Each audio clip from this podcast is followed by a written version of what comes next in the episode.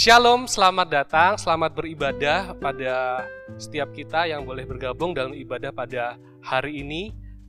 Kita bersyukur untuk uh, bulan yang baru yang boleh kita masuki di bulan ini. Kita masuki bulan Juli, itu banyak perubahan, banyak kebiasaan-kebiasaan baru, new normal yang kita terapkan dalam kehidupan kita dan pada sore hari ini mari bersama-sama kita belajar dari kebenaran firman Tuhan. Namun sebelumnya mari bersama kita berdoa. Kami bersyukur ya Tuhan untuk sore hari ini kami boleh bersama-sama berkumpul untuk datang beribadah kepadamu. Kami bersyukur bahwa Engkaulah Tuhan batu karang kami yang teguh, penolong dan keselamatan kami. Kami berterima kasih ya Tuhan untuk keselamatan yang Kau berikan sehingga kami ya Tuhan boleh bersama-sama menjadi kumpulan orang percaya yang terus ya Tuhan menjalani kehidupan kami di dalam dunia ini sebagai saksi-saksimu. Tolong kami ya Tuhan untuk kami pada sore hari ini boleh bersama-sama dikuatkan, diperbaharui oleh kebenaran firman-Mu dalam segala keterbatasan kami. Biarlah roh kudus-Mu boleh bekerja di antara kami dan kami boleh diubahkan seturut dengan kehendak firman-Mu. Di dalam nama Tuhan Yesus kami berdoa. Amin.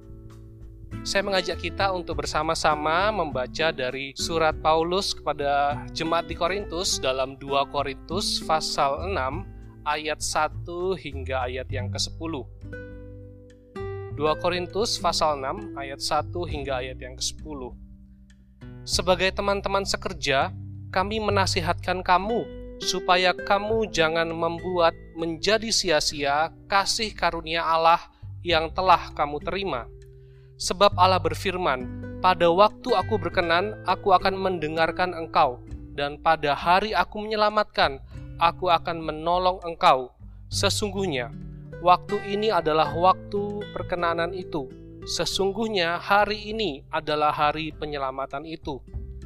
Dalam hal apa pun kami tidak memberi sebab orang tersandung, supaya pelayanan kami jangan dicela. Sebaliknya, dalam segala hal kami menunjukkan bahwa kami adalah pelayan Allah, yaitu dalam menahan dengan penuh kesabaran dalam penderitaan, kesesakan, dan kesukaran, dalam menanggung dera, dalam penjara dan kerusuhan, dalam berjerih payah, dalam berjaga-jaga dan berpuasa, dalam kemurnian hati, pengetahuan, kesabaran, dan kemurahan hati, dalam roh kudus dan kasih yang tidak munafik, dalam pemberitaan kebenaran dan kekuasaan Allah dengan menggunakan senjata-senjata keadilan untuk menyerang ataupun untuk membela, ketika dihormati dan ketika dihina, ketika diumpat atau ketika dipuji, ketika dianggap sebagai penipu namun dipercayai, sebagai orang yang tidak dikenal namun terkenal, sebagai orang yang nyaris mati dan sungguh kami hidup, sebagai orang yang dihajar namun tidak mati, sebagai orang yang berduka cita namun senantiasa bersuka cita sebagai orang miskin namun memperkaya banyak orang, sebagai orang tak bermilik sekalipun kami memiliki segala sesuatu. Tema khotbah kita pada minggu ini yaitu puas di dalam Tuhan. Ada banyak hal yang ditawarkan oleh dunia untuk memuaskan manusia. Ada yang mengejar kepuasan dengan berpetualang pergi ke satu tempat ke tempat yang lainnya. Ada yang mengejar kepuasan dengan mengeksplorasi kemampuan diri dalam olahraga, kesenian, dan keterampilan-keterampilan yang lain. Ada pula yang mengejar kepuasan dengan hobi-hobi tertentu. Ada hobi otomotif, ada hobi binatang, ada hobi-hobi koleksi perhiasan, dan lain sebagainya. Kita menjumpai di media sosial banyak orang menunjukkan itu untuk menjadi satu kebanggaan, untuk menjadi satu yang dipamerkan. Tetapi apakah kita benar-benar bisa dipuaskan oleh hal-hal tersebut? Sampai taraf mana kita bisa dipuaskan oleh benda-benda tersebut atau hal-hal yang kita lihat tadi? Apakah dengan melakukan tersebut atau sampai taraf mana kita bisa merasa aku sudah puas dengan satu hal ini? pada kenyataannya manusia tidak pernah puas akan semuanya itu ketika sudah sampai di satu tahap melihat masih ada atasnya lagi, masih ada yang bisa dimodifikasi lagi, masih ada yang bisa dilakukan lagi. sehingga tidak pernah memberikan kepuasan yang sejati dalam kehidupan manusia. Lalu, apakah manusia itu bisa merasa puas, dan kepuasan seperti apa yang harus kita miliki atau yang kita harus alami? Melalui Rasul Paulus, Tuhan memberikan nasihat bagi orang-orang di Korintus pada saat itu, dan juga bagi kita di hari ini, agar kita bisa mengalami kepuasan yang sejati. Bagaimana caranya? Yang pertama adalah kita harus mengingat akan identitas kita. Kita adalah orang-orang yang telah menerima karunia Allah. Paulus berkata, "Sebagai teman-teman sekerja, kami menasihatkan kamu, hai orang-orang di Korintus, supaya kamu jangan membuat menjadi sia-sia kasih karunia Allah yang telah kamu terima." karunia Allah yang terbesar adalah Yesus Kristus. Di dalam Yesus kita menerima pembebasan, kita mendapatkan penebusan. Kita tidak lagi hidup di bawah bayang-bayang maut, tetapi kita hidup di dalam anugerah Tuhan, anugerah Allah.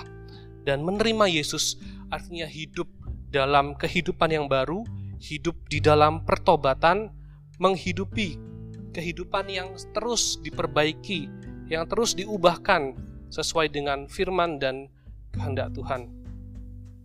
Oleh sebab itu, Paulus berkata, "Jangan menyia-nyiakan waktumu. Jangan menyia-nyiakan hidupmu. Selagi ada kesempatan, gunakanlah itu untuk terus diperbaharui oleh firman Tuhan, untuk terus semakin mengenal jalan Tuhan, semakin mengenal jalan keselamatan, dan menjalaninya itu. Jadi Paulus mengingatkan kita sebagai orang-orang yang telah menerima Kristus, yang sudah mendapatkan karunia Kristus. Marilah kita hidup dengan sungguh-sungguh sesuai dengan kehendak Allah, sesuai dengan apa yang Kristus lakukan, yang jadi tujuannya, yaitu kita hidup di dalam penebusan, kita hidup di dalam anugerah Tuhan, dan Tuhan berkata, pada waktu aku berkenan, aku akan mendengarkan, pada hari aku menyelamatkan, aku akan menolong engkau. Kapan waktu itu? Sekarang, ketika kita masih hidup, marilah kita menggunakan waktu-waktu kita untuk terus semakin mengenal Tuhan, untuk terus semakin diperbaharui oleh firman Tuhan. Jangan kita menyia-nyiakan waktu kita, jangan kita membuang-buang waktu kita dengan hal-hal yang membuat kita semakin stres yang membuat kita semakin pusing, tetapi biarlah kita boleh semakin dekat pada Tuhan, semakin dekat pada firman Tuhan. Ya. Saya menampilkan uh, video foto-foto saya dari zaman beberapa waktu tahun yang lalu, ya.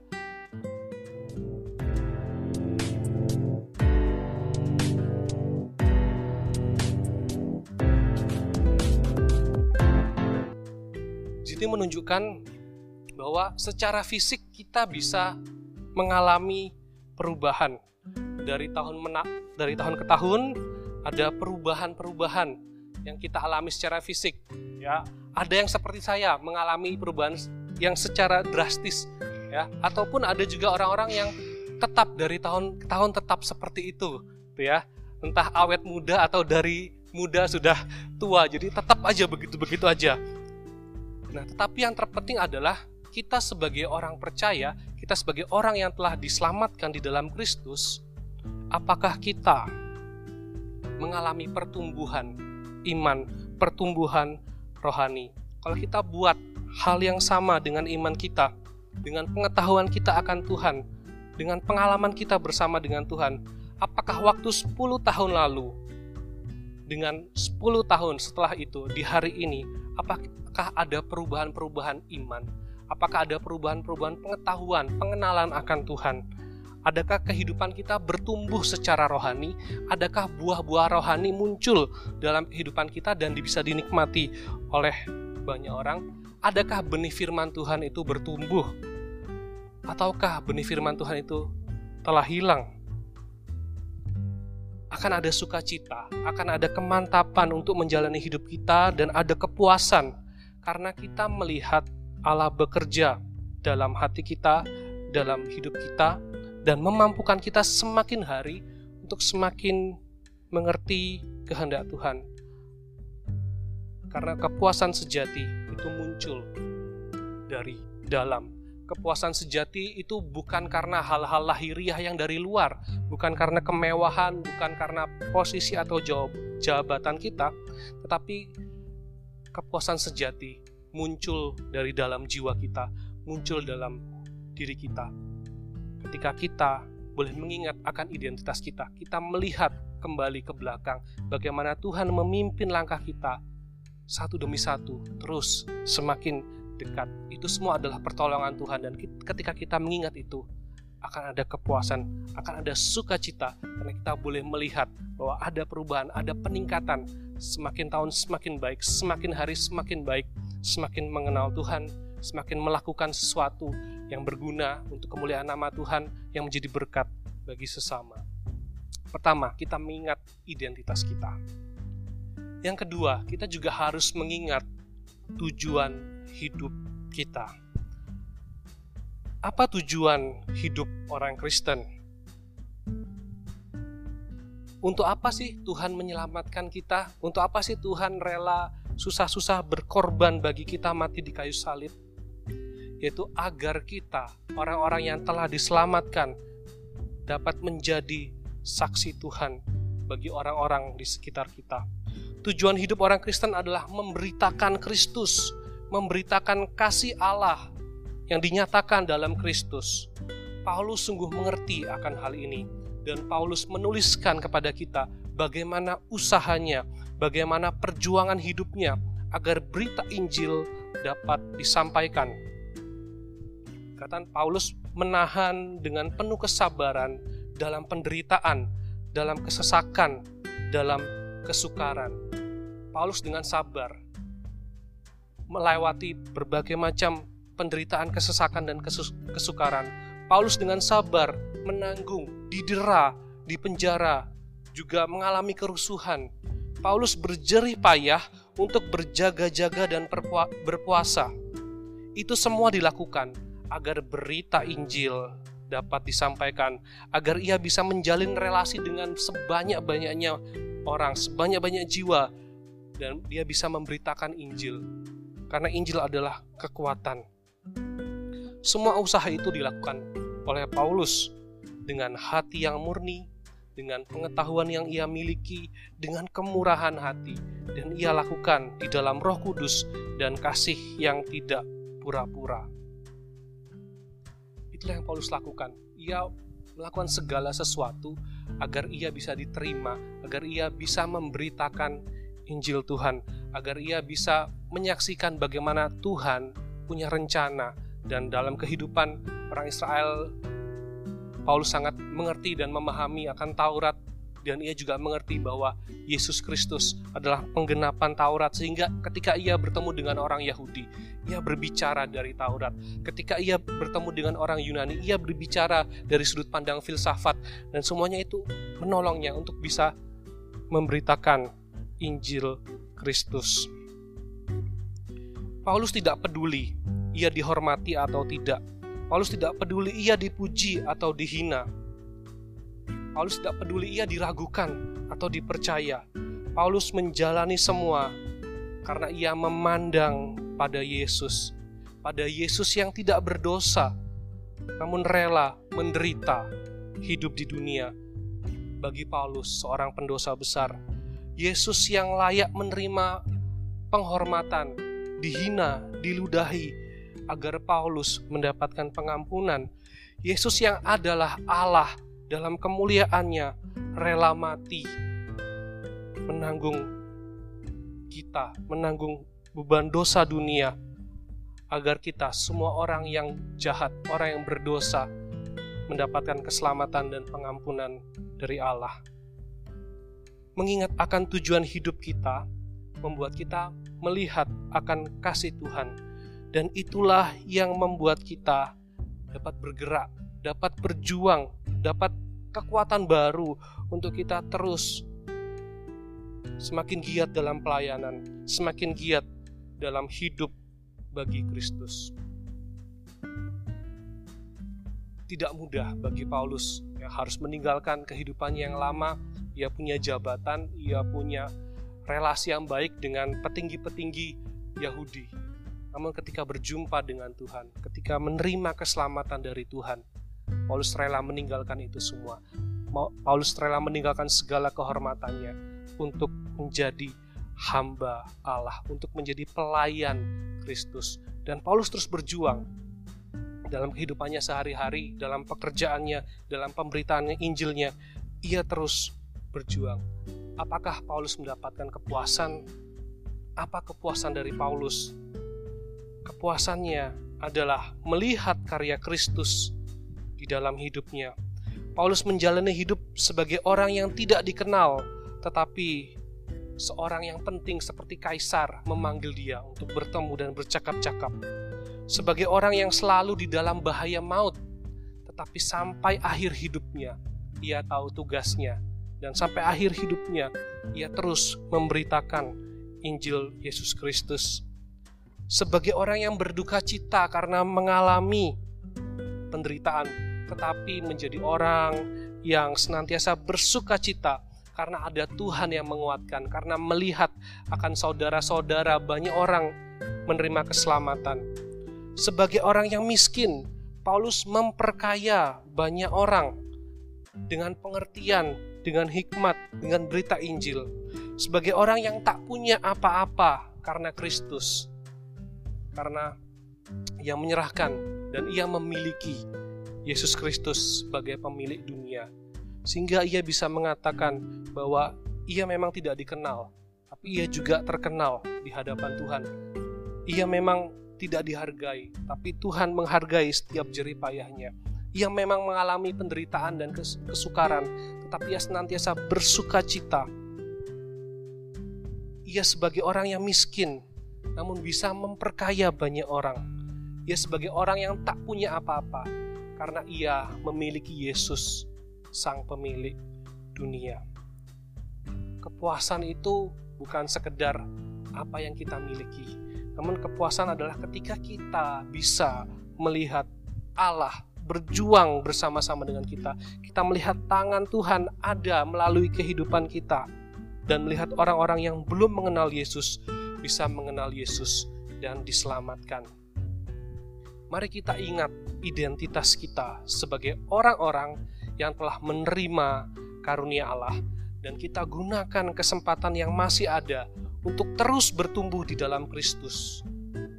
Mari kita ingat tujuan hidup kita untuk menjadi saluran berita keselamatan dari Allah kepada orang-orang di sekitar kita Lalu bagaimana? Apakah kita tidak boleh punya hobi? Apakah kita tidak boleh punya kesukaan? Apakah kita tidak bisa melakukan yang kita senangi? Tentu tidak. Kita boleh melakukan itu semua, tetapi itu bukan identitas kita, itu bukan tujuan hidup kita, tetapi itu adalah kesempatan kita untuk bisa semakin banyak mengenal orang, untuk semakin bisa menjalin relasi dengan lebih banyak orang dan ketika kita menjalani itu, mari kita gunakan kesempatan itu juga untuk semakin mengenal Allah, untuk semakin mengenal apa yang Allah lakukan. Mari kita ketika kita berelasi di dalam komunitas kita, komunitas apa pun itu, komunitas kita di online maupun komunitas kita di lingkungan kita, kita gunakan hidup kita, kita jaga hidup kita agar kehidupan kita bisa diterima oleh sekitar sehingga ketika kita memberitakan Injil, ketika kita berbicara tentang Tuhan, mereka bisa menerimanya. Mari kita jaga perilaku kita, mari kita jaga pikiran kita, mari kita jaga perkataan kita dengan sabar.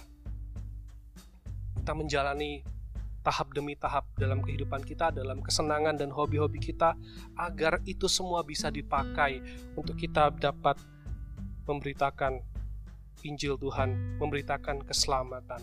Dan mari ketika kita sungguh-sungguh menjalaninya, kita dalam perjuangan itu untuk menahan diri, mungkin untuk tidak mengikuti teman-teman kita, tapi kita tetap berteman dengan mereka, kita tetap menjalin relasi yang, yang baik, kita mengingatkan, kita menasehat, menasehati mereka seturut dengan firman Tuhan.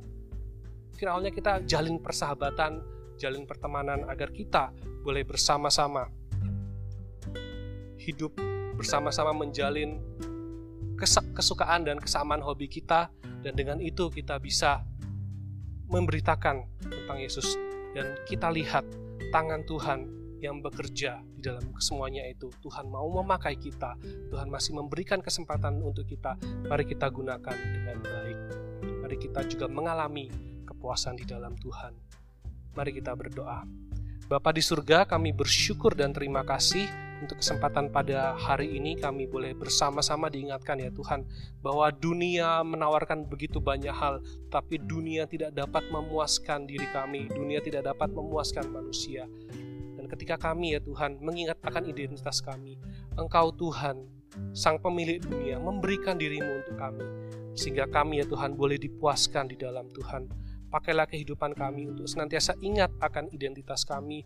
Pakailah kehidupan kami untuk terus ingat akan tujuan hidup kami yang telah diselamatkan, yaitu untuk menjadi berita-pemberita keselamatan Injil Kristus bagi orang-orang di sekitar kami. Berkatilah kehidupan kami, berkatilah hobi dan kesenangan kami. Pakailah itu semua ya Tuhan, untuk boleh menjadi pemberita keselamatan melalui diri kami. Terpujilah Engkau ya Bapa, di dalam nama Tuhan Yesus kami berdoa. Amin.